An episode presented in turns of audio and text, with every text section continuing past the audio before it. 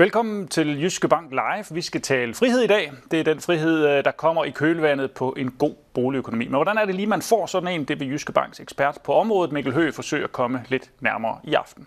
Og velkommen til dig, Mikkel. Tak. Ja, Mikkel, øh, han kan som sædvanligt øh, få en masse spørgsmål direkte fra jer, øh, og der er altså mange af jer, der har skrevet ind på forhånd. Virkelig, virkelig, virkelig mange, skulle jeg hilse at sige. Jeg har det ene øh, ark efter det andet fyldt med spørgsmål. Der er mange specifikke spørgsmål, der er også nogle, der slet ikke handler om bolig. Mikkel, jeg ved, i dag så vil du gerne prøve at fokusere lidt på det her med, med tre livsfaser. Hvorfor er det egentlig, hvad kan man sige, den rigtige måde at anskue det på, når vi snakker boligøkonomi? Jamen, det er jo et forsøg på at prøve at dele tilværelsen op i, i nogle perioder. Fordi der, mm, hvad skal man sige, over sådan et langt livsforløb, der, der er der nogle perioder, hvor man kan, kan fokusere på, på noget forskelligt. Vi har her øh, prøvet at sige noget med, at man etablerer sig, og det er noget med den tredje alder. Øh, man kunne sikkert også dele det op i, i flere, men, men for mig giver det sådan en god mening med, med sådan tre øh, store klumper den her snak om økonomisk frihed, så handler det vel lige så høj grad om også at have en, så kan vi sige, kalde det en heldig eller en dygtig hånd på boligmarkedet med ens køb og salg. Altså er det ikke det, der for alvor giver den økonomiske frihed? Det kan det i hvert fald gøre, øh, så, så det, det, det, det skader i hvert fald ikke at have en, en heldig eller dygtig øh, hånd. Øh, men det er måske noget, man ikke kan gøre så meget ved, for jeg plejer at sige, at man skal købe bolig ud fra et eller andet behov, frem for at ligge og spekulere, fordi så tror jeg, man bliver, bliver ærgerlig.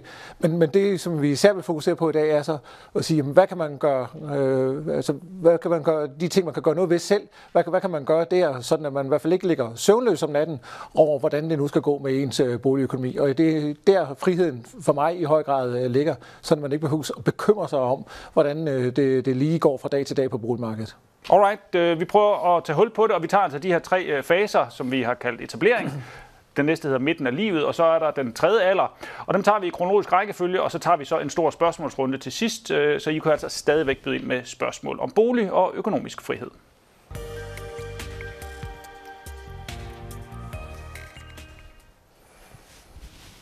Ja, den første fase her, kaldt etablering, det er jo typisk her, hvor man går ud og, og køber sin, øh, sin første bolig. Og det, der er svært i, i den her fase, jamen, det er jo egentlig, at man øh, typisk er øh, et tidligt stadie i sit øh, liv, så ens liv er måske stadigvæk øh, forholdsvis omskifteligt. Alligevel så er en af opgaverne her at prøve at, at tænke øh, fremad, øh, og prøve at tænke i og, og få en bolig, man kan bo i i så mange år øh, som muligt, fordi at det er noget, der er dyrt, jamen det er faktisk at skifte øh, bolig øh, ofte.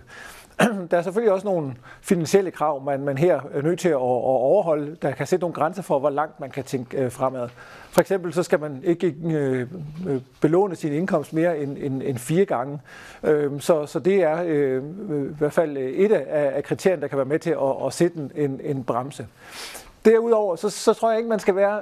Mange, der, der etablerer sig, de er meget sådan forskrækkede over, uha, vi stifter stor gæld.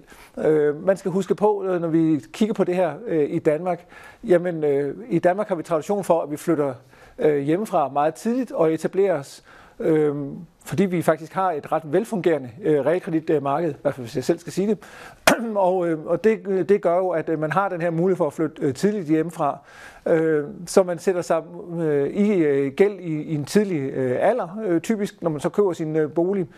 Øh, men mange i den her fase sparer faktisk også ganske meget op, fordi vi i Danmark også har jo en, en stor udbredelse af øh, arbejdsmarkedspensioner. Så, så det er ikke så unaturligt, at man her i, i den her del af livet øh, sætter sig i, i, i gæld. Det synes jeg ikke, man skal være så forskrækket over. Det man så skal selvfølgelig tænke over, når man, når man sætter sig i gæld, det er jo, at alt gæld skal tilbagebetales på et eller andet tidspunkt. Så man må også lige prøve at få en plan om, hvordan vil man så øh, betale pengene øh, tilbage. Og her synes jeg også, at afdragsfrihed faktisk øh, spiller en øh, meget væsentlig øh, rolle. Øh, afdragsfrihed kan nemlig blive brugt intelligent, sådan at man får planlagt, at man betaler sin gæld tilbage, sådan at man betaler den dyreste gæld tilbage først, øh, og så den var rundt øh, kommer til øh, hvad skal man sige, at sidde øh, billigere og billigere i det. Så øh, Typisk vil det være en god idé at have noget afdragsfrihed på realkreditgælden, hvis man har bankgæld, og så få afviklet øh, bankgælden. Øh, det kan også være, at man har flere lån, jamen øh, så kan det være en god idé at have afdragsfrihed på den inderste del af øh, sin gæld. Sidst men ikke mindst, så når i den her del af, af livet har man typisk en, en stor gæld, så man er også nødt til lige at gøre sådan nogle overvejelser. Hvad kan der ske med min gæld, hvis, jeg har et skift, hvis der sker et skift i renten? Er man til fast rente, eller skal det være variabel rente? Øh, det er nemmere at blive godkendt til fast rente end variabel rente, skal man lige overveje. Øh, det er den ene ting. Den anden ting er også, at øh, hvis man gerne øh, hvad hedder det, øh, vil have variabel rente, så skal man jo kunne tåle, at der er udsving i øh, ens økonomi. Alternativt så skal man lægge sig lidt imellem, og så have to lån, øh, og, øh, og sådan at man spiller på, på begge øh, heste. Det er ligesom de muligheder, man har, men altså det her er typisk øh, den, øh, det tidspunkt i livet, hvor man stifter gæld. Og der er øh, selvfølgelig også en masse spørgsmål fra, øh, fra de, det, det lidt yngre øh, del af vores publikum. Der er en her, der spørger, giv venligst et eksempel. Du er lidt inde på det, øh, på, på lånesammensætning for øh, en familie, som er førstegangskøber. Og de rammer noget her, hvor, som der er nok mange førstegangskøber, der er. Det, det er træls marked at komme ind på, øh, for at sige det på godt jysk. Altså, boligerne er op omkring, hvor man føler sig lidt magtesløs. Kan man gøre noget i sammensætningen af, af den måde, man låner på, i forhold til at, at, at kunne få en lidt bedre bolig? Jamen, lige nu går det, går det rigtig stærkt, og selvom det er lidt kedeligt, så, så synes jeg jo, at her skal man passe på med, hvordan man går på kompromis. Øh, I hvert fald skal man ikke nødvendigvis gå på kompromis ved bare at købe en, en dyrere bolig, end man havde, havde øh, planlagt. Øh, men, men der er sådan, grundreglen her er jo, at hvis man skal have, skal have et, et lån med fast rente, jamen så bliver man godkendt til, til den aktuelle faste rente. Det vil lige nu sige 1% i rente. Hvis man skal have variabel forrentet lån, så skal man godkendes til fast rente med 4%. Så det vil sige, at der er øh, kravene til ens økonomi jo øh, pludselig væsentligt hårdere. Så man kan låne et øh, mindre beløb, hvis man vælger øh, variabel rente, øh, hvorimod at hvis man vælger fast rente, så kan man altså låne det, det størst mulige øh, beløb. Simpelthen fordi risikoen for, at der sker noget med ens økonomi, når renten svinger, er, er, er mindre. Så, så derfor så, så vil jeg sige, i det her marked, hvor det går så stærkt, jamen så kig mod fast rente, og det kan vi også se af de forskellige statistikker, at det, det gør øh, de, de fleste øh, førstegangsklubber. Men det er de måske også bare nødt til. Og så det kan, de så også, det kan de så også være, være, være nødt til. Øh, sådan er, er, er reglerne øh, skruet sammen øh, i dag her oven på, på finanskrisen. Så, øh, så hvad hedder det, øh, man kan altså få flest øh, penge i hånden ved at vælge øh, fast rente. Der er en, der spørger også, det er sådan meget specifikt, det med afdragsfrihed. Øh, skal jeg vælge afdragsfrihed i for eksempel fem år, eller skal jeg slet ikke gøre det i min situation? Og, og hun beskriver det øh, her, at hun er nyuddannet, mor til to øh, og gift. Ja, det var, hvor, altså afdragsfrihed er jo noget, der bliver advaret meget mod i, i de her år, og det, det er farligt, øh, bliver det nærmest udlagt af, af, af visse øh, typer eksperter at have, have afdragsfrihed. Øh, det har jeg selvfølgelig et øh, noget mere nuanceret øh, syn på. Jeg synes jo, at øh, afdragsfrihed det kan være en, en, en, en kæmpe fordel. Det kan netop være en fordel i, i en periode at give noget pusterum i økonomien, sådan at man kan, kan netop få skabt noget plads. Og her med en enlig mor med, med to børn, der kunne det jo godt tyde på, altså, man er jo ung, der er sandsynlighed for, at man får en større indkomst fremadrettet, så det kunne godt tyde på, at det kunne være en god idé at skabe noget plads i økonomien med noget afdragsfrihed. Øh, en god måde at bruge afdragsfriheden på, er jo så altså, ikke bare at klatte pengene væk på, på fester og andet, men, men, men for eksempel at bruge afdragsfriheden til, at sige, er der andet gæld, som, som kunne, kunne, kunne øh, nedbringes? Fordi realkreditgælden er typisk den, den billigste gæld. Og så er der en, der spørger, jeg, jeg, når jeg står og kigger ned, så er det selvfølgelig, fordi jeg holder øje med det, I spørger om derude. Det er ikke, fordi jeg ikke øh, er 100% opmærksom på dig, Mikkel. Der er en, der spørger, er det bankens regler? Og der, der tror jeg, øh, vedkommende mener, at det bankens regler i forhold til det her med, øh, altså du nævnte efter finanskrisen, så, så vægter man altså et fast rente som som mere sikkert, og det, man kan låne mere til. Er det, er det bankens regler, eller er det noget, vi henter udefra? Det er faktisk noget, vi, vi, vi henter øh, udefra. Øh, det, er, det er nogle øh, regler, vi, vi, øh, vi fik for snart 5-6 år siden, øh, i form af at det, der hedder øh, vækstvejledning og god skik øh, bekendtgørelsen. Så, så det er nogle, øh, nogle regler, der, der gælder øh, for, for hele sektoren, uanset øh, hvilken bank øh, man går til. Vi tager lige et sidste spørgsmål her til, øh, til de øh, førstegangskøberne her. Og der er en, der simpelthen bare gerne vil have det skåret ud i pap, rent sagt. Altså alt det her med de forskellige lån, F3, F5 og så videre. Jeg aner ikke, hvad det betyder, og det må egentlig godt blive skåret lidt ud i pap. Og, og ja, det er jo farligt at sige til en boligøkonom. Ja. Prøv at forklare det. ja, det kan, det kan starte med. Altså, første øh, klump, man kan ligesom dele lån op i, det vil sige, at vi har fastforrentede lån, øh, og variabelt forrentede lån. De fastforrentede lån, det er, det er typisk enten 10, 20 eller 30-årige lån, hvor man har fast rente i de der 10, 20 eller 30 år. Det er sådan den ene klump. Den anden klump, vi har, det er variabel forrentet lån. Og når vi så har variabel forrentet lån, så har vi en underskov af, af, af lån, og det, det er der, vi har de her F1-lån, F3-lån, F5-lån. Øhm, øh, og det, der, der, der ligger i det, det er at sige, at F1-lånet, det får en ny rente hvert år. F3-lånet får en ny rente hvert tredje år, og F5-lånet får en ny rente hvert, hvert femte år. Så, så det er sådan, det, det, det er skruet sammen. Så det vil sige, at hvis man er til, til, til, til absolut laveste ydelse, jamen så vælger man øh, et F1-lån, øh, så får man øh, ny rente hele tiden. Der kommer hurtige skift i, i, i renten, altså det kommer det her en gang om året.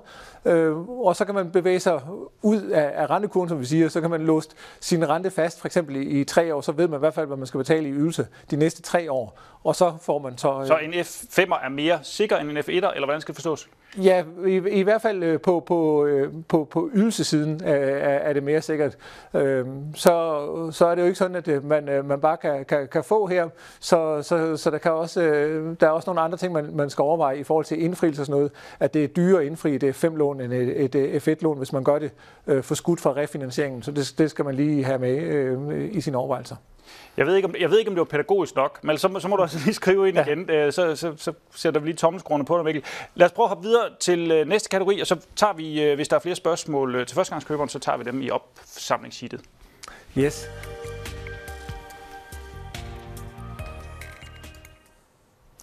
Den næste kategori her, den har jeg kaldt øh, midten af, af livet.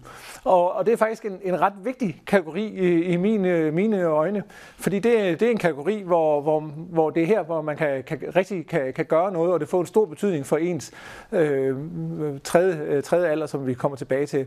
Øh, Pudsigt nok, så er det den her øh, kategori, vi, vi helt klart har fået øh, færre øh, spørgsmål til på, på forhånd, øh, hvilket øh, jeg synes er, er lidt tankevækkende, givet at det er øh, en vigtig kategori. Jeg tænker, at her i midten af livet, det, der, det man sådan ligesom skal have for øje her, det er øh, i min optik, at, at man skal prøve at, at ende et sted, hvor, hvor man har øh, noget af sin formue i, hvad hedder det, mursten, noget af sin formue som pensionsopsparing, og noget af sin formue som, som frie øh, midler. Det er ligesom det, det, det skal ende med. Noget af det, man så skal tage, tage stilling til øh, her i, i midten af livet, det er jo, jamen hvis man har haft afdragsfrihed i etableringsfasen, så på et eller andet tidspunkt, så udløber den her afdragsfrihed. Hvad så? Skal der turbo på, på afdragene?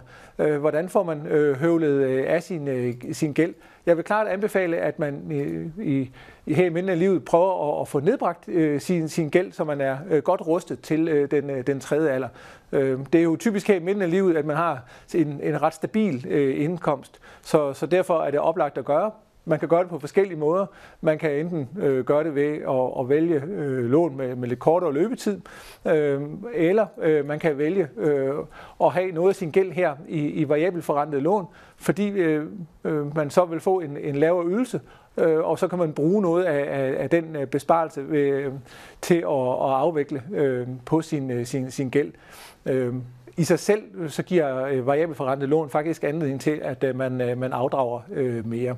Øh, så så det, det er fokus. Når man så kommer, hvad skal man sige, kommer stille og roligt igennem fasen, så, så bør der måske også, øh, i takt med at ens indkomst er, er høj, jamen, øh, så bør der måske også komme øh, stille og roligt fokus på, at sige, jamen får jeg sparet nok op til, til pension, skal jeg udnytte nogle af, af de her øh, øh skattefordele, der kan være ved at, at spare øh, op til, til pension. Så, så det er også noget, man skal tage stilling til her i midten af livet. Ja, og som du øh, fik sagt, Mikkel, så er det jo altså ikke, fordi vi vælter i spørgsmål her, men der er trods alt lidt, og måske i forhold til det her, du snakker om, der er en, der spørger her, er det en fordel at afdrage så meget som muligt af sin boligudgift, inden man går på pension, så man er tæt på at være gældfri, når man øh, træder ud af arbejdsmarkedet? Ja, jeg synes jo, det her med at være fuldstændig øh, gældfri, det, det, det kan selvfølgelig øh, lyde øh, tillokkende, men det synes jeg måske øh, er øh, faktisk øh, lidt gammeldags.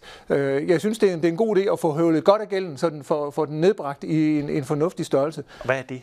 Ja, hvad det, det, er jo, det, er jo, det er jo lidt, øh, lidt individuelt, men, men jeg synes i hvert fald, man skal få, få bragt øh, øh, gælden ned, sådan at øh, øh, man kommer et, et stykke under øh, de 60 procent, fordi øh, de, de 60 procent går hen og bliver en lidt magisk grænse, øh, når man øh, bliver øh, pensionist, øh, fordi det, det øh, kan være svært at få lov til at låne mere end 60 procent af, af sin øh, boligs værdi, øh, når man kommer op i årene.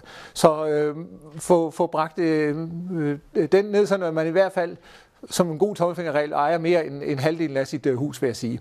Øh, og øh, Øh, så er det selvfølgelig fint, kan man få den endnu længere ned, jamen så er man jo endnu bedre stillet. Øh, men det er ikke nødvendigvis en fordel at, at komme af med alt gælden, fordi som sagt, så synes jeg, man skal ende et sted, hvor, hvor, man, hvor man har lidt af det hele, altså lidt i frie midler, og lidt i, i mursten, og, og, og lidt i øh, pensionsordninger. Og, og, og lidt, vi har, der er nogen, der har skrevet ind nu her, vi har et lån øh, med variabel rente de næste 18 år, så det er også sådan måske midt i livet. Vi har været i tvivl om, det er en god idé at lave den om til fast. Ja, se, øh, altså det, det, øh, det øh, kan man jo kun øh, det, helt selv øh, vide. Det, som er, er vigtigt, det er jo, hvordan man har det med, med, med sit lån.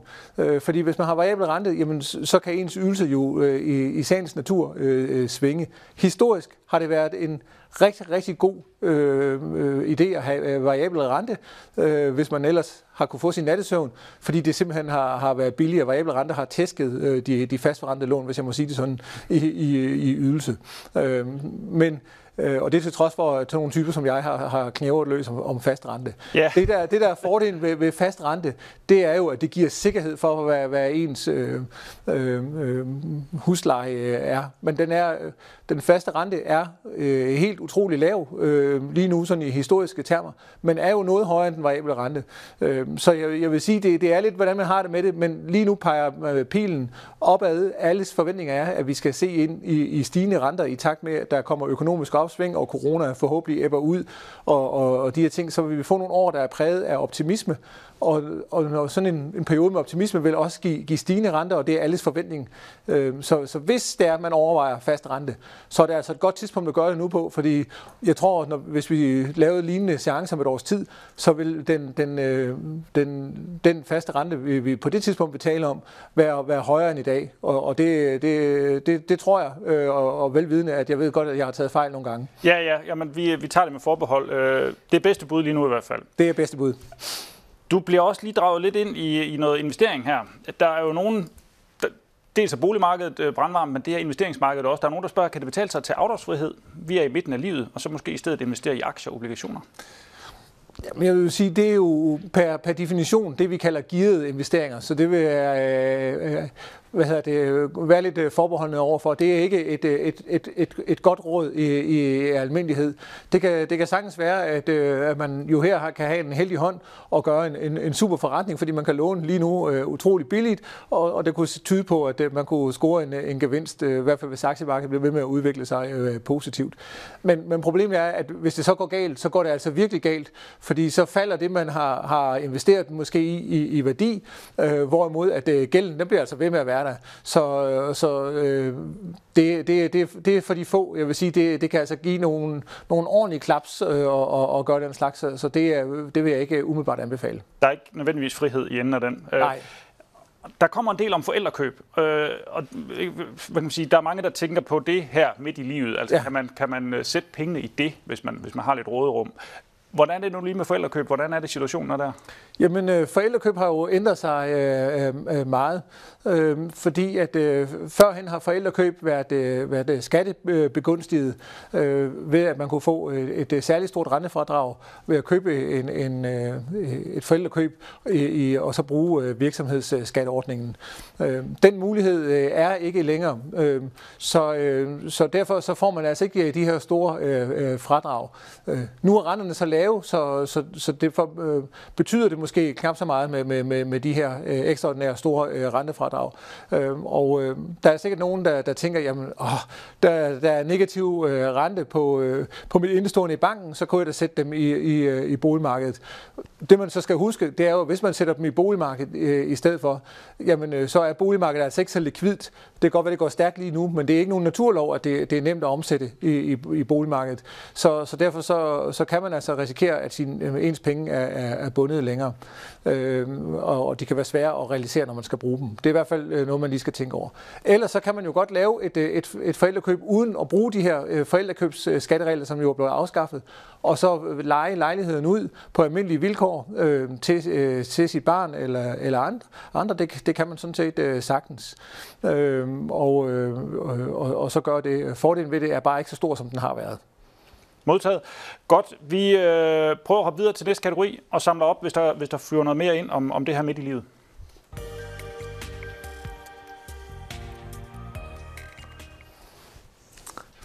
Ja, så er vi kommet til, til den, øh, den, den tredje alder. Og øh, den, øh, den tredje alder, det, det er jo øh, her, hvor, hvor man øh, gerne skulle have, øh, have fået øh, nedbragt øh, sin gæld. Man, jeg tror, man relativt øh, tidligt i, i den her fase skal tage stilling til, om, øh, om man har tænkt sig at, at leve af, af nogle af de penge, man har i, i, i øh, stående nu i, i mursten.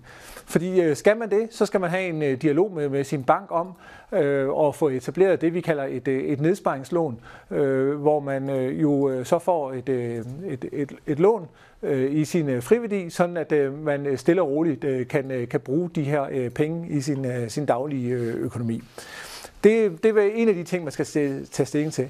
En anden ting, man skal tage stilling til her, øh, kunne også være øh, at sige, jamen, øh, hvis man har en relativt øh, stærk økonomi, at sige, jamen, jeg vil, vil, vil sådan set gerne øh, blive, blive, blive boende øh, længst muligt i min, øh, min bolig, men øh, jeg synes ikke, der er nogen grund til, at øh, jeg sparer øh, så meget øh, op mere øh, i, i mursten, velvidende at mursten jo ikke er øh, så likvid. Øh, og øh, det er så her, man kunne overveje at, at bruge de her øh, nye øh, frihedslån, hvor man øh, kunne få et, øh, et lån med, øh, med, med 30 års øh, afdragsfrihed. Øh, får man sådan et, et lån, jamen øh, så, øh, så i hvert fald hvis man vælger det med, med fast rente, jamen så ved man, øh, hvordan ens øh, ydelse øh, i, i, i store træk vil være stillet øh, de næste 30 år, medmindre der sker noget dramatisk øh, på, på boligmarkedet. Øh, og øh, så kan man sige, at så kan ens øh, boligøkonomi mere eller mindre øh, hvile i sig selv, og øh, så, øh, hvad hedder det, øh, så kan man fokusere på, øh, på, på andre øh, øh ting, og, og, og dermed øh, på en eller anden måde sidde øh, billigst muligt. Man kan også få jyske frihed med variabel rente, hvis man er øh, mere til, til det, men så kan ens ydelse jo i sagens øh, natur svinge. En, en sidste ting, man skal tage stilling til her i, i den her fase af livet, er også, jamen hvis man nu bor i en bolig, man har boet med sin familie, nu er ungerne flyttet fra øh, redden, øh, jamen øh, så kan det også være, at man gerne vil etablere sig øh, på, på ny. Øh, og øh, det er jo noget, vi, vi, vi ser øh, øh i, i stigende grad, at øh, folk må, gerne vil flytte ind til, til byerne og bo i de her lækre øh, lejligheder, der, der efterhånden er blevet bygget i stort set øh, alle lidt større provinsbyer. Øh, jeg har døbt den type af boliger teaterboliger, fordi jeg synes, det er skabt til, til, til, til den her øh, sunde, raske øh, generation, der er, der, der er fuld af vi gør, selvom man er kommet i den tredje alder, men som så kan flytte ind til byen og, og udnytte byens øh, kulturliv. Øhm, og øh, der kan jo være, at man så kan sælge sin, sin, øh, sit parcelhus. Det er der i hvert fald gode muligheder for lige nu, hvor boligmarkedet er, er oppe i, i gear. Øhm, og øh, så kan man øh, få øh, købe sig sådan en, en, en lejlighed, skal man jo kigge lidt på, hvordan ens økonomi øh, så skal være skruet sammen, og om man øh, blandt andet øh, kunne tænke sig og, øh, og ikke at, at, at afdrage på, på øh, hvis man låner nogle af pengene til den her bolig, øh, og skal have for eksempel et, øh, et jyske frihed øh, til, til den bolig. Så øh, det er nogle af de spørgsmål og overvejelser, man kan gøre sig her. Jyske frihed. Der er simpelthen nogen, der spørger, hvad er det for noget? Det er du nok lige nødt til at forklare, Mikkel. Ja. Du bruger det, du bruger det Ja, beklager, men Jyske Frihed er øh, øh Jyske Banks svar på, på de her frihedslån. Det vil sige, at det er et, øh, et realkreditlån, øh, man kan få både med fast og variabel rente, hvor der er øh, 30 års øh, afdragsfrihed.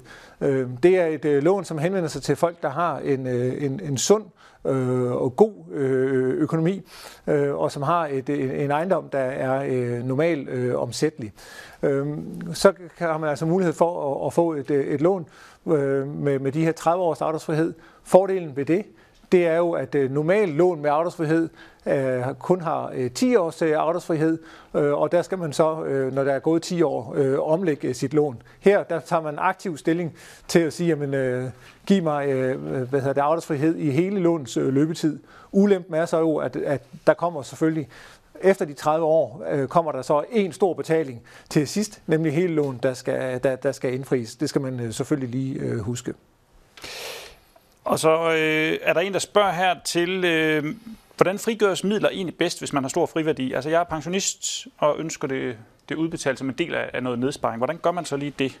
Jamen, øh, måden man gør det på er sådan set jo og, og, for, for, henvende sig til, til sin øh, bank og, øh, og få, få øh, vurderet øh, boligen. Og øh, det man så gør, det er jo sådan set at få et, et, et realkreditlån øh, øh, på den størrelse lån, man nu skal bruge, øh, og så får man øh, øh, øh, nogle, nogle penge fri, som øh, man, øh, man, man så kan, øh, kan bruge af. Øh, det man så gør, det er jo, at det er jo ikke meningen, at man så skal til at betale renter og afdrag. Så, så det man gør, det er, at man, man aftaler øh, øh, altså man, man, et beløb, sådan at man ikke bruger øh, hele beløbet, men man, man også reserverer et, øh, et, et beløb, der kan dække øh, hvad hedder det, renter og afdragsudgifterne øh, øh, over den tid, øh, løbet, øh, lånet løber.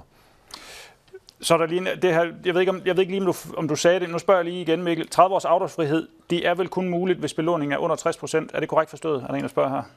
Ja, altså øh, det, det er øh, det, som øh, jeg vil sige øh, kræver en, en, en, en sund og stærk øh, boligøkonomi, og, øh, og det er øh, kun muligt, hvis ens ejendom er belånt under 60 procent så derfor er det også, at jeg sagde der øh, midt i livet, er det en, en god idé at komme under de der 60 procent, fordi det giver nogle, nogle, nogle, øh, nogle, nogle større øh, frihedsgrader. Man kan sådan set godt få lånet, og så låne op til, til, til, til, til 75 procent, øh, men, men så skal man lave en aftale for, hvordan man kan, kan få nedbragt øh, gælden øh, til de øh, 60 procent, fordi den, de 30 års afdragsfrihed øh, løber kun øh, dernede i de lave øh, låneintervaller. Og så øh, også i den her tredje alder, der er jo også mange, der overvejer at lave den der sommerhus øh, finde, altså simpelthen flytte i sommerhus. Øh, og der er en, der spørger, hvordan vurderer du, det ser ud med sommerhuskøb nu? Vi tænker nemlig på at øh, sælge hus inden pensionsalderen, og så flytte i sommerhus. Ja, og øh, man må jo sige, at øh, sommerhusmarkedet er øh, måske den del af, af boligmarkedet, der, der blev allervarmest, øh, da, da corona øh, tog til. I takt med, at øh, øh, at øh, vi ikke kunne, kunne, kunne rejse, øh, så øh, var der mange, der, der tænkte, jamen øh, så skal vi da have et, et, et sommerhus. Øh, så, øh, så sommerhusmarkedet det, det har haft øh, drøn på, øh, og øh, det, det betyder, at øh, der er, øh, priserne er steget meget, og, øh, og liggetiderne er, er meget lave. Så jeg, jeg tror, hvis man skal købe et sommerhus, skal man øh, se sig godt for. Øh, de sommerhus, der har ligget øh, længe til salg, der er typisk en årsag til, at de har ligget længe til salg. Øh, det er måske nogle af dem, der er i, i dårligst stand. Øh, og derudover så skal man passe på, at man ikke lader sig for iver og, og for, for, for, for købt, øh, hvis man, øh, man, man køber et sommerhus, fordi øh, der har været øh, godt drøn på det marked nu i, i, i 12 måneder. Det er jo altid svært at kalde dem top der, Mikkel, det ved jeg godt, men, ja. men du siger, at hvis du skulle have et sommerhus, du ikke skulle bruge her nu, så var det nok ikke nu, du købte. Ja, det, det, siger, øh, jeg plejer jo at sige, at man skal købe bolig, fordi man skal bruge det. Jeg kan jo høre, øh, at der er en, en plan her. Ikke? Men, men hvis man kunne udskyde det et par år, så kunne jeg godt forestille mig, at der kunne være en chance for, at der var nogen, der havde fået sig forkøbt her, når nu vi på et tidspunkt igen forhåbentlig kan begynde at rejse og andet.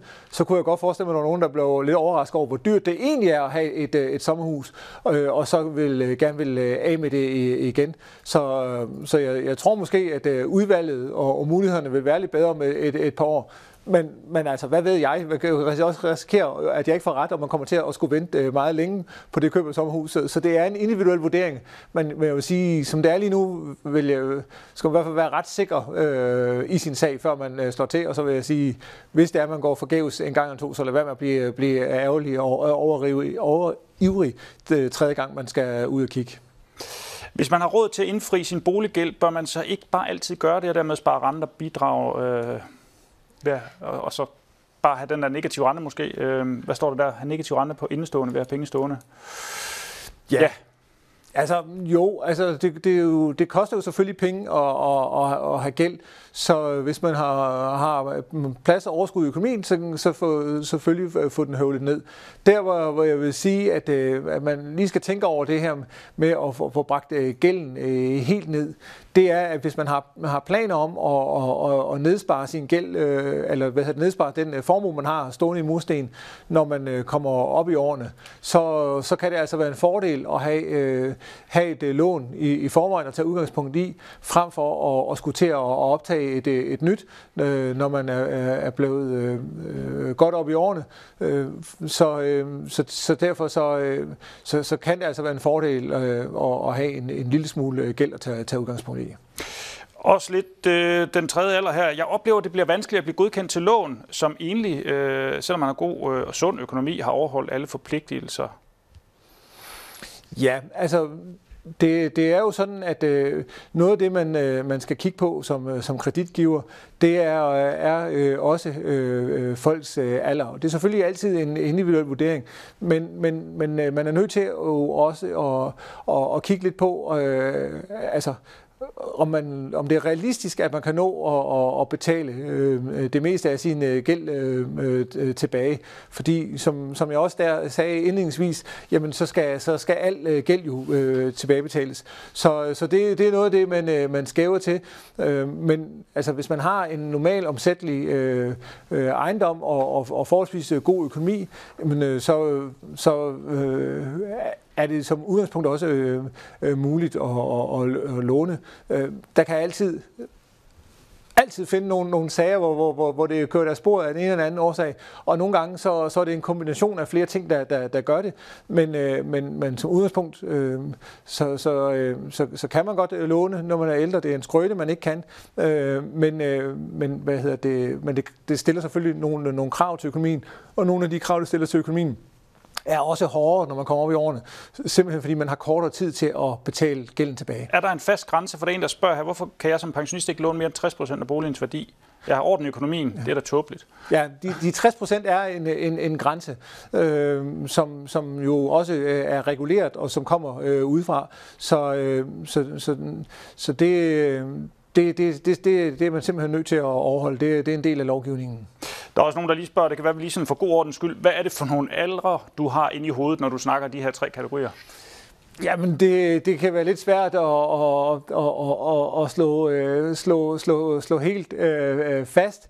Øh, men øh, altså det, det skældner jo. Etableringen øh, er jo i, i de unge år, når man, når man øh, er ny på boligmarkedet, og på et tidspunkt, når man kommer op i, i, i, i 30'erne, nærmer sig de 40, jamen, så må man skifte til den øh, næste fase.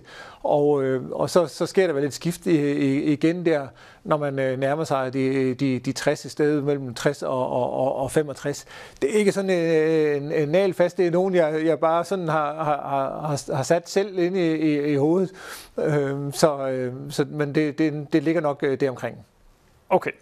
Øh, hvor mange procent skal være i henholdsvis, altså det, og det er tredje alder, øh, står der her, hvor mange øh, procent skal henholdsvis være frie midler, mursten og pensionsopsparing? Kan man sige noget om det?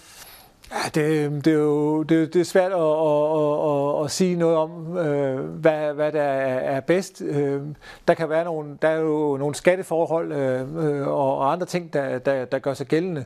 Så, så jeg vil sige, det, det er lidt individuelt, hvad, hvad, den, øh, hvordan øh, øh, det, det, det præcist skal øh, være, være fordelt. Så det, det er lidt svært at svare på. Godt. Hvis man er i midten af livet og gerne vil foretage boligforbedringer, der gerne skulle øge boligværdien, vil du så egentlig anbefale, at man bruger frimidler eller låner penge til boligforbedringerne? Det er jo sådan et spørgsmål, der er blevet sådan... Ja, det havde man jo nok ikke blinket og tænkt over for, for særlig mange år siden. Nej, øh, det, der vil jeg jo nok sige, at det, lige nu er det øh, øh, meget billigt at, at, at låne øh, til dem. Så, så umiddelbart så vil, øh, så vil jeg nok øh, øh vælge at, og, og, og, og låne til dem, lidt afhængig af, øh, hvor, øh, hvad hedder det, hvor stort et, øh, et lån øh, man skal have. Men øh, hvis man skal bruge mere end, end, end, end 300.000, øh, jamen, så vil jeg tage et, et, et realkreditlån, skulle man bruge mindre, øh, et, et banklån men det der, som jo i høj grad her bliver, bliver afgørende, det er jo også, hvad man øh, selv kan placere øh, sine øh, sin penge til. Og øh, hvis man har nogle penge stående, og det er til negativ rente, og man egentlig ikke skal bruge dem, jamen, så kunne det godt være, at det kunne ændre lidt på, på situationen. Så, så, så alternativet her spiller selvfølgelig også en meget stor rolle. Kan øh, alle få afdragsfrihed, eller, eller hvordan er det, det fungerer? Var der en, der spørger? Jamen, øh, i, i udgangspunktet, så, så kan man jo øh, kan man, øh, bliver man jo øh, godkendt til at, at sidde med, med fast rente og afdragsfrihed. Og øh, så er det op til, til banken øh, at, at vurdere, om øh, man kan få, få, få afdragsfrihed. Øh, man, man kan som udgangspunkt, øh, så, så stiller det jo nogle, nogle hårde krav til ens økonomi og, og, og blive, blive stresstestet. Så, øh, så, så derfor kan man ikke tage det for givet, at man kan få, få, få afdragsfrihed. Jyske Frihed, øh, som, som du har fortalt lidt om, øh, er der en, der spørger, andelsbolig, kan jeg få det i min andelsbolig?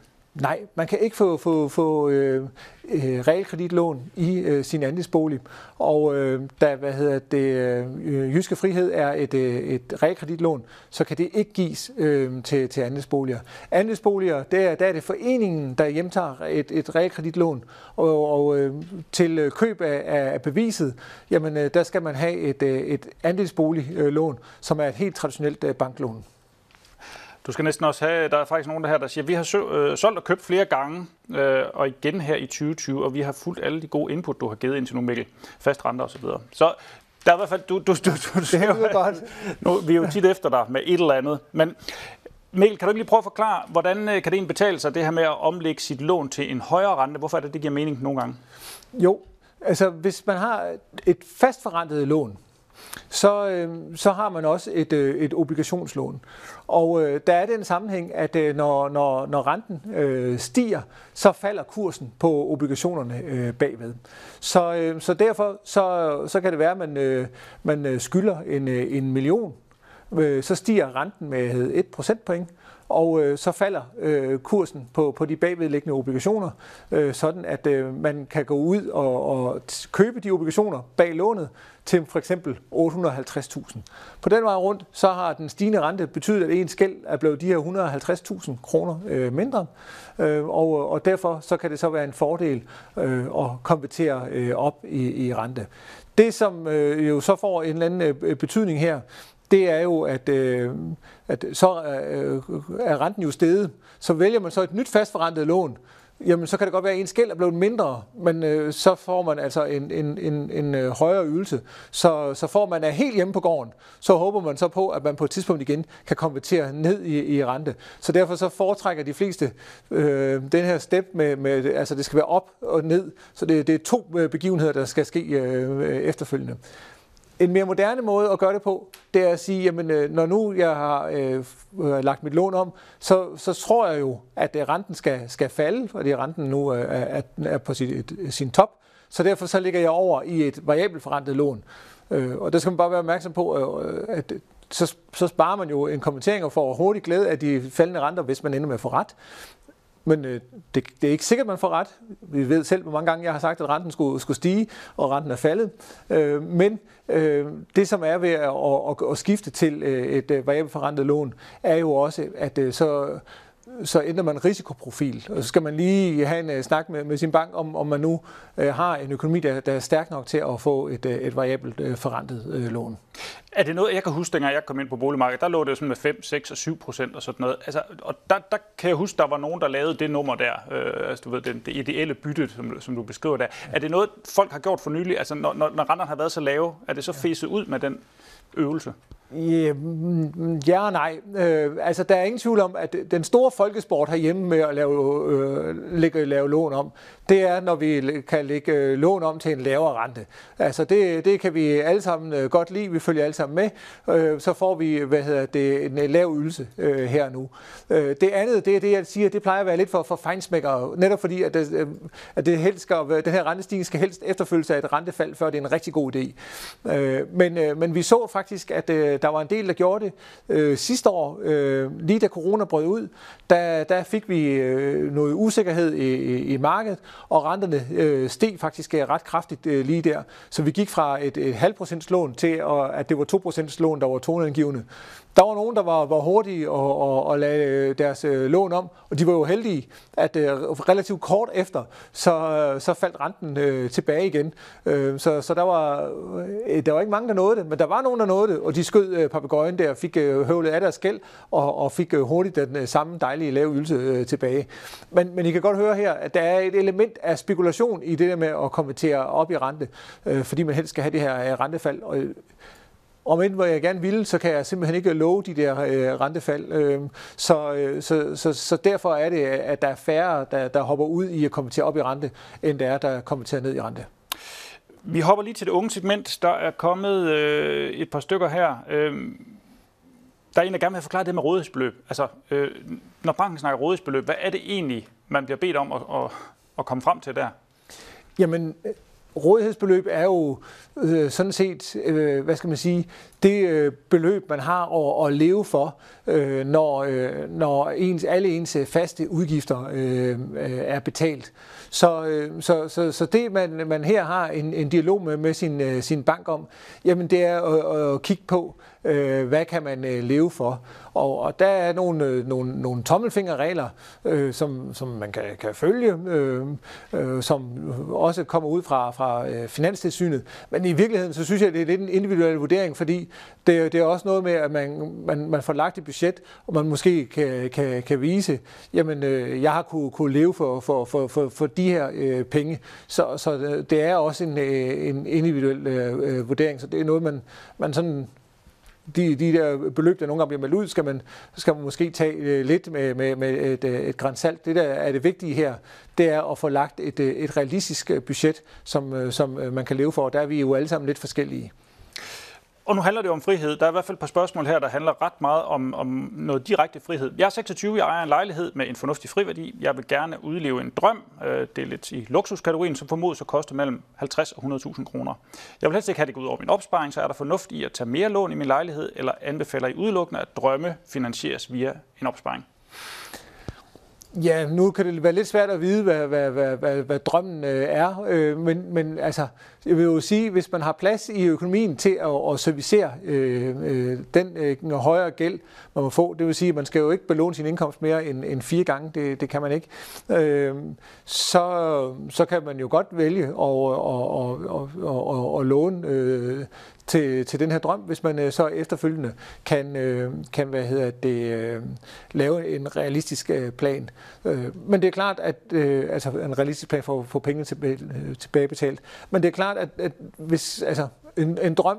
Det kan være lidt mere luftigt, øh, så, øh, så hvis det nu er at, at, at, at, at rejse og, og, og, og, og slappe af i, i et år, jamen så, så skal man jo så være indstillet på, at øh, de her penge skal betales øh, tilbage. Så kan der kræves nogle, nogle år, hvor, hvor man måske så skal, øh, skal leve med, med livremmen spændt øh, lidt ind øh, bagefter. Så jeg vil ikke sige, at det er en, er en dårlig øh, idé. Øh, på den anden side vil jeg også sige, at det er noget, man, man, man lige skal overveje, fordi det lidt afhængig af, hvad, hvad, hvad, drømmen går ud på, jamen så, så kan det altså få konsekvenser for, hvad man så kan, kan, hvordan man kan disponere øh, senere i livet. Noget andet, i, øh, som man må også sige, er noget med frihed. Er der idé og fornuft i at finansiere en bolig nummer to, for eksempel en bolig i udlandet, ved at sige afdragsfrit i vores bolig nummer et? Vi har pt. en belåning på ca. 60 procent. Ja, det er jo også lidt en, øh, en, en individuel øh, vurdering, øh, og hvordan man vil, vil gøre det. Det der med, når man begynder at skal have flere boliger, så, øh, så, så stiller det nogle, nogle ekstra krav til, at, og, og, hvor, hvor stærk en økonomi man har. Så man skal, man skal altså have en, en stærk økonomi øh, og kunne øh, tåle nogle, nogle, nogle stresstest. Man skal blandt andet kunne tåle jo, at, øh, at der er pæne prisfald for, på, øh, på ejerboligmarkedet, og man så stadigvæk har øh, likvid nettoformue for at, at kunne låne til at købe øh, flere boliger.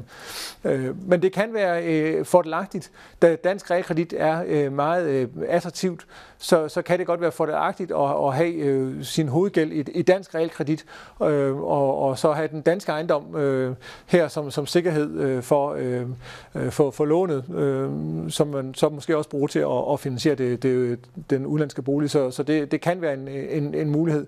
Men, men igen her, der, der synes jeg, det er svært at sige noget generelt. Det, det, det er en meget øh, individuelt, hvordan man, øh, man lige kan skrue det sammen.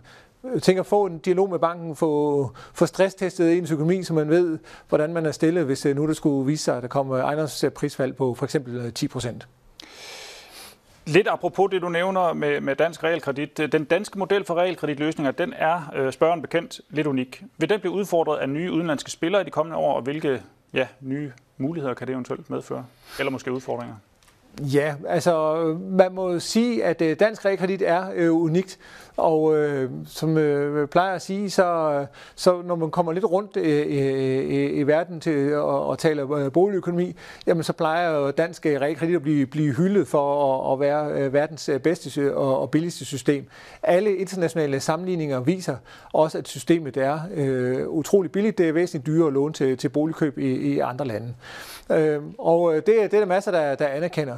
Så man sige, jamen, øh, når folk så anerkender det, hvorfor er det så, at, øh, at øh, andre lande ikke har travlt med at kopiere den øh, øh danske øh, model? Jamen, øh, det er netop øh, sagens kerne.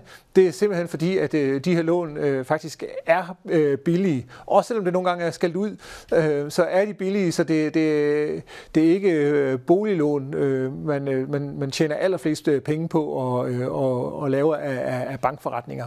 Så, så derfor er der faktisk næsten ikke nogen af de store øh, eller sammenlignelige lande, der har, der har haft travlt med at øh, og, og, og, og, hvad hedder det, kopieres der, der er enkelte lande, øh, blandt andet har Mexico øh, kopieret os, men ellers er der ikke så mange øh, andre lande. Øh, og øh, til trods for, at øh, konkurrencen øh, mange gange øh, i Danmark beskrives som værende ikke særlig hård, fordi der kun er fire øh, realkreditinstitutter, jamen øh, så, så er der ikke nogen store spillere, der har haft travlt med at, at øh, komme fra udlandet og komme ind og udfordre os på, på, på det her. Øh, og det tror jeg egentlig også er fordi, at øh, konkurrencen egentlig er øh, væsentligt hårdere end, end øh, sit rygte. Øh, I hvert fald er øh, priserne jo øh, som sagt øh, forholdsvis lave. Ting ændrer sig med hastige skridt i de her år. Det er svært at sige, om der, der pludselig er nogen, der får mod på at, at komme ind på, på markedet. Hvis der gør, jamen, øh, så må det jo medføre øh, konkurrence, og, og så må vi se, hvad, hvad, hvad, hvad det betyder. Der er ligesom to ting, man kan konkurrere på.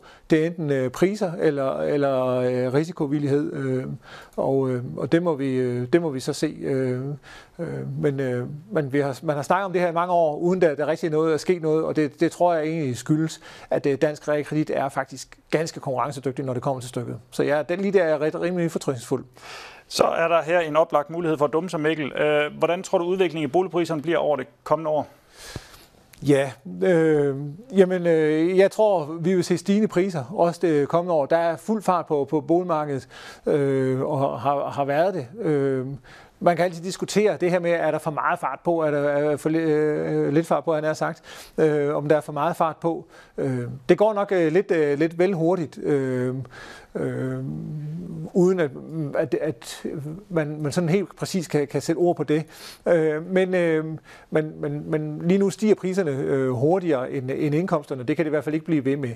Øh, men Øh, jeg tror, at det vi ser øh, så småt, det er det, der plejer normalt at ske øh, i foråret, øh, nemlig at der kommer flere boliger til, til salg. Og når der kommer flere boliger til salg, øh, udbuddet stiger, jamen øh, så vil det ligge, øh, naturligt ligge øh, lidt en, en, en dæmper på, på, på boligmarkedet. Så, øh, så det tror jeg egentlig øh, vil, vil, vil ske. Dernæst så vil jeg sige, at sandsynligheden for, at der kunne komme et indgreb øh, mod øh, stigende øh, priser, i, specielt i de større byer, er ikke nul. Øh, jeg ved godt, at øh, politikerne i første omgang har sagt, at de ikke ønsker at gøre noget, men, men vi ved jo, at det systemiske risikoråd vil, vil komme med nogle, øh, nogle anbefalinger. Øh, og så må vi se, hvordan øh, politikerne tager imod de her anbefalinger om, øh, om opstramninger. Øh, så, øh, så der kan komme øh, et indgreb, øh, øh, og øh, hvordan det er udformet, ja, det kan man kun øh, gætte om, men, men det er øh, en, en mulighed. Øh, selv når vi gør regneberettet op, så tror jeg dog, fordi at vi kigger ind i en periode med øh, økonomisk opsving, optimisme, stigende beskæftigelse og forholdsvis lave renter, så er jeg svært ved at forestille mig, at, øh, at de her store plus skulle gå, gå helt over den anden kamp og, og blive til minus øh, sådan lige på den, på den korte bane. Og så er det jo meget fint med med os to her, Mikkel, men der er altså en, der spørger her, hvornår er det, jeg kan komme ind og få et fysisk møde igen øh, i Jyske Bank og få lidt personlig rådgivning omkring min boligsituation? Jamen, det, det begynder vi stille og roligt at, at lukke op for, så, så det kan man faktisk øh, allerede. Øh, man skal have en aftale øh, på, på forhånd, men, øh, men øh, skriv til, til øh, din, din, din rådgiver øh, eller ring, øh, og så få, få aftalt et, øh, et møde. Det, det kan man godt, og det er en god idé at få et, et møde med, med sin, sin rådgiver. Rådgiveren derude er, er topprofessionel og kan netop jo komme ind på de her individuelle vilkår, som, som, som er lidt svært for, for mig at, at, at sige noget om her i, i et tv-studie. Der er lidt i forhold til renovering, ombygning. Øh, der er nogen, øh, en, der spørger her, hvis man vil låne penge til renovering i sin bolig, man vil låne med friværdien, øh, hvordan gør man det så bedst? Og der er en, der også spørger det her med lånemuligheder i forbindelse med ombygning. Kan vi ikke få lidt detaljer om, hvordan foregår det egentlig? Jo, altså, men øh, det som, som, som øh, man gør jo, det er jo, at man får sin, øh, sin, sin, sin, sin bolig øh, vurderet, og, øh, og så hvis der nu er, er friværdi, jamen øh, så kan man øh, optage et, øh, et, et realkreditlån øh, i, i sin, øh, sin bolig og, og bruge de her penge på, på, øh, på, på, på ombygningen. Øh, det, det er sådan set den, øh, den nemmeste måde at, at gøre det på, altså tage det som et, øh, et tillægslån. Øh, og, øh, og, og så er det sådan set øh, øh, at, at, at gå i gang. Øh, Alternativt, øh, hvis, hvis man ikke har nogen frivillige at tage udgangspunkt i, altså, og ombygningen i virkeligheden er at, at bygge helt nyt, jamen så, så skal man jo starte med at, at, at have et, et, et byggelån, og så konverterer man øh, byggelånet øh, senere hen til et, øh, et, et realkreditlån. Og man kan ikke gå ind og sige, at vi regner med, at vores bolig stiger så så meget, når vi har gjort det og det og det, og det kan man, ikke, kan man tage lån i det på forhånd? Nej, men altså det, det man gør, det er jo, øh, man tager udgangspunkt i, i, i boligens øh, øh, øh, værdi, fordi man, man er nødt til at tage, øh, det, det er jo den bolig, der er, man, man, man tager, øh, tager udgangspunkt i og stiller til, til, til, til sikkerhed. Så, så kan man aftale, øh, at øh, man bagefter, øh, at man så får vurderet boligen igen, øh, øh, og med henblik på øh, og, og, og, og se, hvor, hvordan man, man, man så er stillet. Men, men som udgangspunkt, så, så tager man øh, altså udgangspunkt i, øh, Øh, i, i boligens øh, øh, aktuelle øh, værdi. Det kan også være svært at sige noget om, hvad forskellige typer af renoveringer gør ved, ved hus, øh, altså ejendomsværdi, fordi øh, øh, der, der, der kan man øh, selvfølgelig bliver ejendommen mere værd, når man forbedrer den, øh, men, men det er ikke altid, at man, man, man lige kan sige, at en ejendom bliver, bliver øh, en til en forbedret. Altså hvis man for eksempel bruger øh, en million på et, øh, et, et toilet, så kan det godt være, at det, det ikke lige slår igennem øh, en til en, for eksempel, fordi man blandt andet jo har en forventning om, at der er et funktionsdygtigt toilet i et øh, hus. Og så har vi lige lidt, der, der er nogle ting, folk spørger lidt, de skal lige forstå nogle af de ting, du snakker om. Det der med 60% belåning for at få jyske frihed, betyder det, at for eksempel et hus, der er vurderet til 10 millioner, skal have restgæld under 4? Og det er vel omvendt, ikke? Det er omvendt, ja. ja at man, øh, at man skal under de 6. Yes. Ja. Og så er der en, der spørger, når du siger stresstest, hvad er det så egentlig, øh, man gør? Øh, kan I uddybe, hvad stresstest af økonomien er i forbindelse med for eksempel afdragsfri? Jeg er 65 år på efterløn. Jamen, det man, øh, det man jo øh, kigger på, det er jo, øh, hvad, hvad, hvordan er ens økonomi øh, skruet sammen, øh, hvis, øh, øh hvis øh, renten øh, ændrer sig. Øh, det er også øh, noget at gøre med, hvordan, hvordan vil ens formue være, hvis, hvis boligen for eksempel falder i, i værdi. Så man, man, man simulerer øh, nogle af, af de her ting. Og, og, og grunden til det kan være vigtigt, jamen det er jo for eksempel, hvis man har afdragsfrihed, øh, så, Øh, og man har variabel rente, jamen øh, så slår øh, rentestigningerne øh, dobbelt så hårdt igennem på den månedlige øh, ydelse. Så derfor skal man lige huske, at det der med at betale afdrag, det er faktisk også et værn mod øh, rentestigninger. Øh, så så det, det, det er selvfølgelig noget, det man lige skal kigge på. Øh, og den anden del øh, her, øh, det er jo, øh, at øh, der skulle gerne være sådan, at man kunne tilbagebetale øh, gælden, øh, uden at øh, hvis ens ejendom er faldet øh, voldsomt i pris, at, at ens økonomi stadigvæk ser øh, fornuftig ud. Godt, og så er der også en, der gerne lige vil forklare det her med, det der med at belåne sin indkomst gange 4. Hvad er det, du mener med det? Jamen, hvis man har en indkomst på for eksempel øh, hvad hedder det, 500.000, øh, jamen, øh, så kan man få et, øh, et lån øh, på, på 2 millioner. Godt, og det er 500.000 før skat og alt det der, at hvis det, hvis det er det, man får? Ja, altså, det, det er, hvad hedder det, det, det er der, man, øh, man starter. Man har altså en indkomst på øh, hvad hedder det, øh, de, de 500.000, og så må man give sin indkomst, øh, som man siger, altså belåne sin indkomst øh, fire gange. Og så hvis man har en opsparing, så kan man lægge det oveni? Så kan man noget formue, som man lægge oveni, og, øh, øh, og hvis man har noget andet gæld, så kan man, øh, trække, øh, skal man øh, trække det fra jo. Øh, så, øh, og det er egentlig det, mange af de her beregnere sådan går ind og gør, og giver sådan lidt et groft øh, view på, hvor, hvor ligger man cirka hen, ikke? Er det, eller hvordan? Jo, præcis. Ikke? Altså, en, en, en, en helt gamle dage sagde man, at tommelfingerreglen var, var 3,5, så det, det, mange af de her beregnere, de, de ligger der omkring, fordi så lover man ikke øh, for meget. Og så skal man være opmærksom på, at der kan være forskel på beregnere derude, netop om hvorvidt man husker at korrigere for, for øh, forskellige typer af indkomster og øh, hvad hedder det øh, øh, anden gæld. Så, så det kan være lidt forskel. Så jo mere detaljeret beregneren spørger til, hvordan ens økonomi er sat sammen, jo større er øh, sandsynligheden, læg mærke til at sige, sandsynligheden for, at den giver et, et, et retvisende billede. Man skal altid, når man bruger de her beregnere på nettet, huske på, at det er altså bare en indikation, det, som aldrig nogensinde kan slå det at komme ned og, og snakke med rådgiveren face to face og, og, og tage de her individuelle forhold. Men, men det kan øh, gøre en, en, en, en, den her indikation, så man ved, skal jeg kigge efter en bolig til 3 millioner, eller er det en bolig til 2 millioner, jeg skal kigge efter. Den var rundt kan man få en, en, en pejling her, som, som kan, kan have kan have lidt betydning for, hvad man kunne, kunne have af planer, og det, det er egentlig sådan, man, man skal bruge det, synes jeg. Der er lige et spørgsmål til nybyggeri. Er der økonomisk fordel øh, ved at vælge nybyg, altså øh, selv at gå ud, i forhold til at købe en eksisterende, hvis man er førstegangskøber? Ja, altså ja, det, det, det kan jo være lidt svært at sige, for det afhænger også af, hvad, hvad ens alternativ er. Øh, det at, at, at bygge nyt, det, det er jo øh, mange gange, så, så, så, så får man jo lige den bolig, man gerne vil have. Det, det kan jo i hvert fald relativt ikke, øh, fordi det man er nok nødt til stadigvæk at gå lidt på kompromis. Men, men, øh, men, men det, der, der, der ligger i det, det er jo, at øh, så får man i hvert fald en bolig, der, der er billig øh, i, i drift, fordi at de nye boliger jo typisk er, øh, er klima- og energioptimeret og alt det her. Så, så det er meget engang på, på, på, på, på, på, på forbruget, at øh, de her nye boliger er attraktive.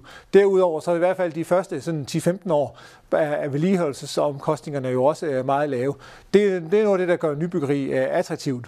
Den anden side af det er jo så, at sådan et nybygget bolig, jamen den bliver også rent skattemæssigt tit vurderet til at være i, i den høje ende, så, så man bliver så beskattet af og, og og hårdere af at have en ny bolig frem for en, en, en ældre bolig.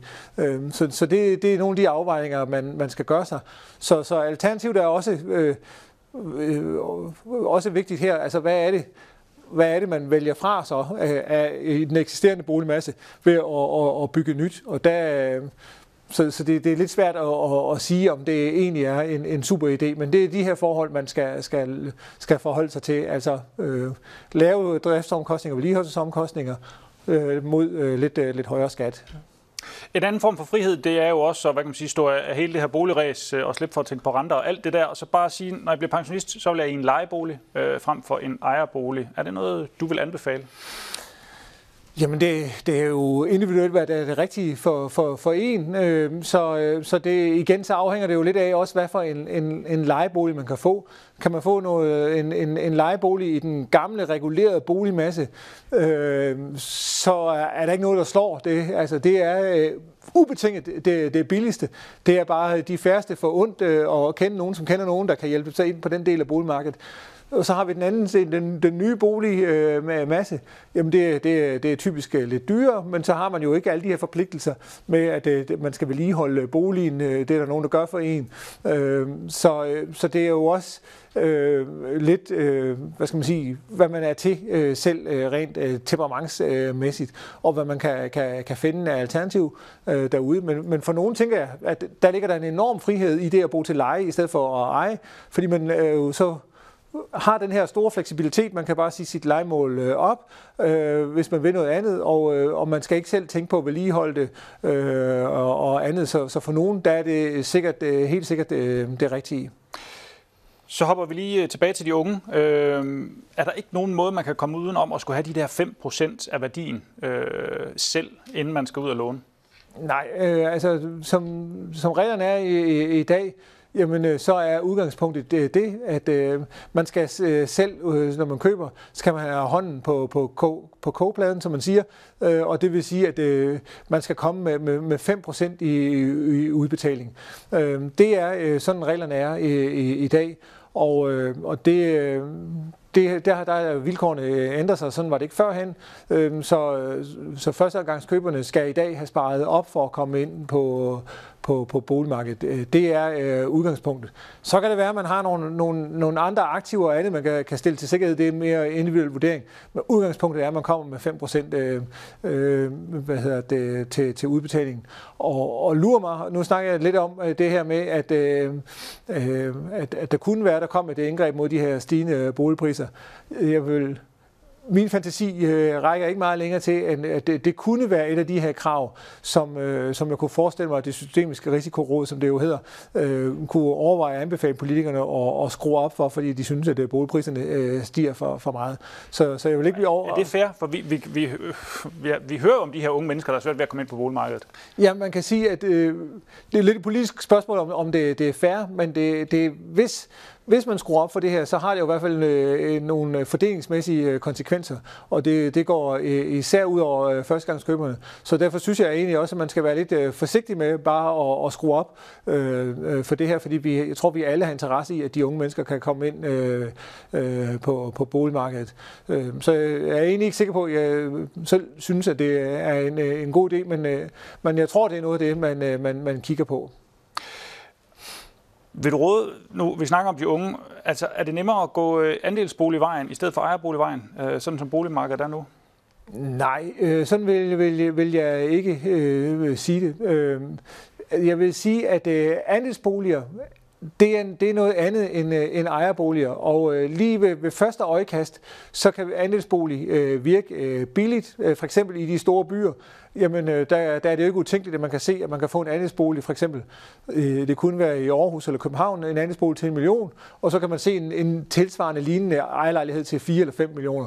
Så virker det billigt for at, at, at give den her øh, million. Det, man skal huske på, det er, at andelsbolig er en anden konstruktion. Øh, så, så det, man køber sig ind i, er et finansieringsfællesskab. Øh, og det vil sige, at øh, man, man køber ikke en lejlighed, men man køber øh, brugsretten til en lejlighed i en stor øh, ejendom, så når man sådan set med til at købe en del af, af ejendommen. Så derfor skal man, øh, jeg siger ikke, at det er en dårlig idé at købe en andelsbolig, men jeg siger bare, at man skal se sig øh, godt for, når man øh, køber en, en andelsbolig i, i dag. Jeg vil jo næsten sige, at det at købe en andelsbolig er øh, vel efterhånden det mest komplicerede, øh, vi har overhovedet i, i banken, øh, på, på, på boligsiden i hvert fald, øh, fordi der er så mange regler, øh, man, man, man skal overholde. Øh, men øh, man er nødt til at, at sætte sig ind i, i foreningens gæld, fordi man er med i det her finansieringsfællesskab, øh, og, øh, og man er også nødt til at, at sætte sig ind i, hvordan øh, foreningen bliver, bliver driftet, øh, og øh, man, man skal huske, at man bliver gældsbelastet.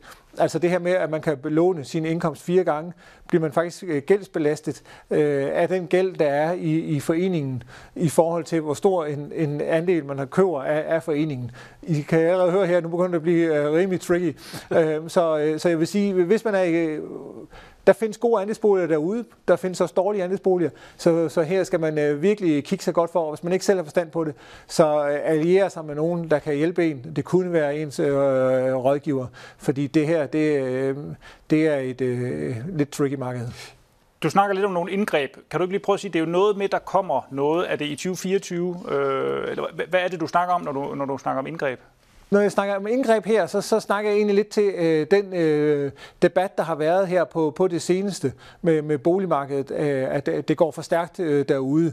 Øh, det systemiske risikoråd, som vi har, øh, det her råd, der bliver øh, ledet af, af øh, hvad hedder det, Nationalbanken, som skal komme med politikerne med anbefalinger til, hvordan øh, man kan undgå, øh, at øh, noget eller det, vi så i finanskrisen, skulle, skulle gentage sig. Øh, øh, de var ude at sige her, øh, de kommer en gang om kvartalet med nogle anbefalinger. Det vil ude at sige, at det næste gang, så kommer vi med noget, og øh, en anbefaling omkring øh, boligmarkedet. Det vil sige, at de kommer med nogle anbefalinger til, til, til, til juni. Øh, og øh, det kunne godt lugte, øh, lugte lidt af, at, at, at det, det systemiske risikoråd kommer frem til, er, at man er nødt til at gribe lidt ind, øh, fordi at vi lige nu har, har, har prisstigninger på, på boliger øh, på øh, over 10 procent øh, visse steder i, i, i landet. Øh, det er specielt i de store byer, det går så, så stærkt for sig.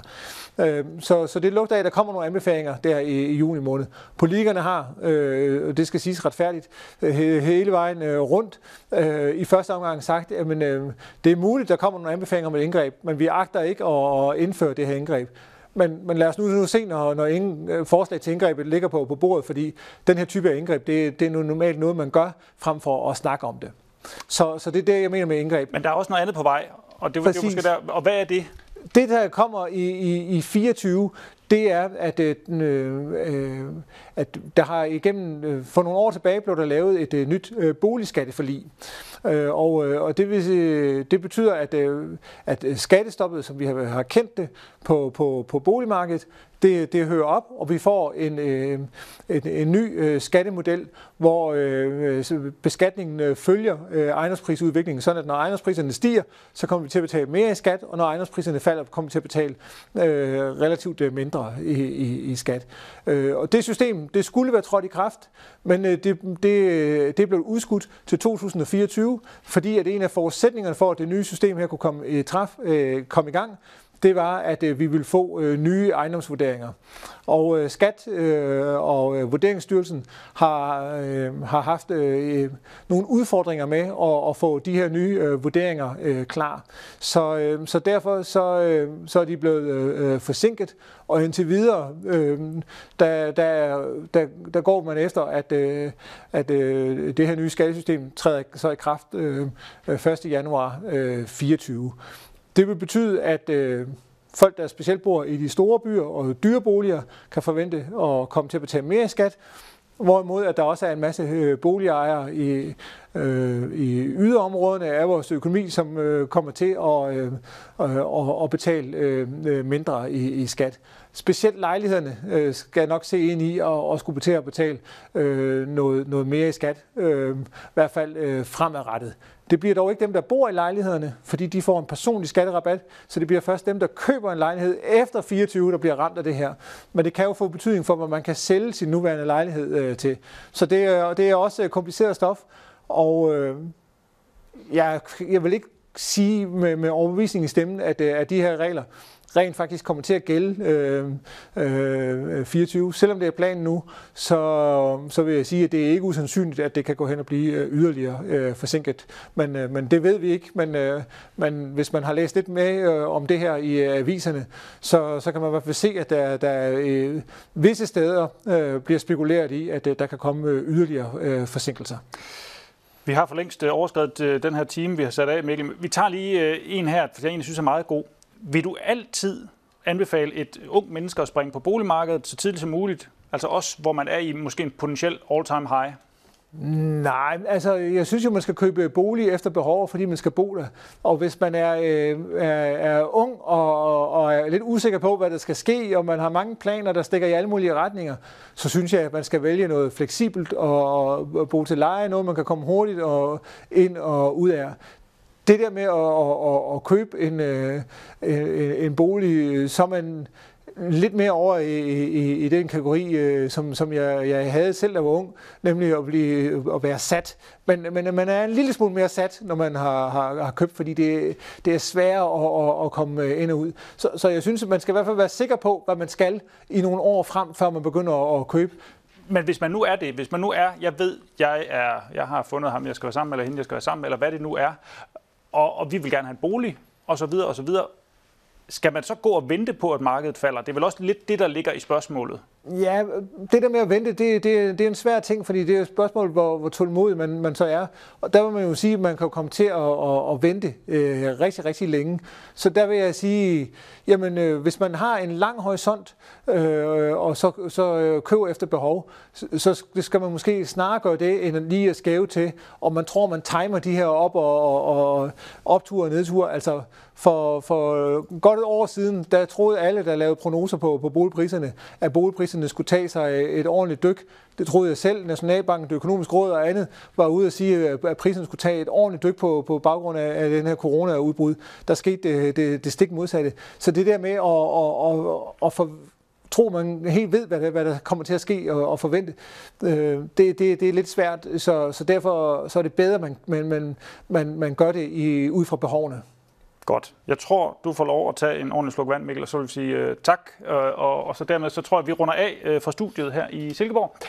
Hele det her webinar, det bliver jo som sædvanligt tilgængeligt uh, som en helt almindelig on-demand video inden så længe, og så prøver vi også lige at samle lidt op på nogle af de ting og nogle af de mange mange, mange spørgsmål, som vi ikke har nået i dag, øhm, og så gør vi det tilgængeligt for jer alle sammen, og så sender vi lige en, en mail.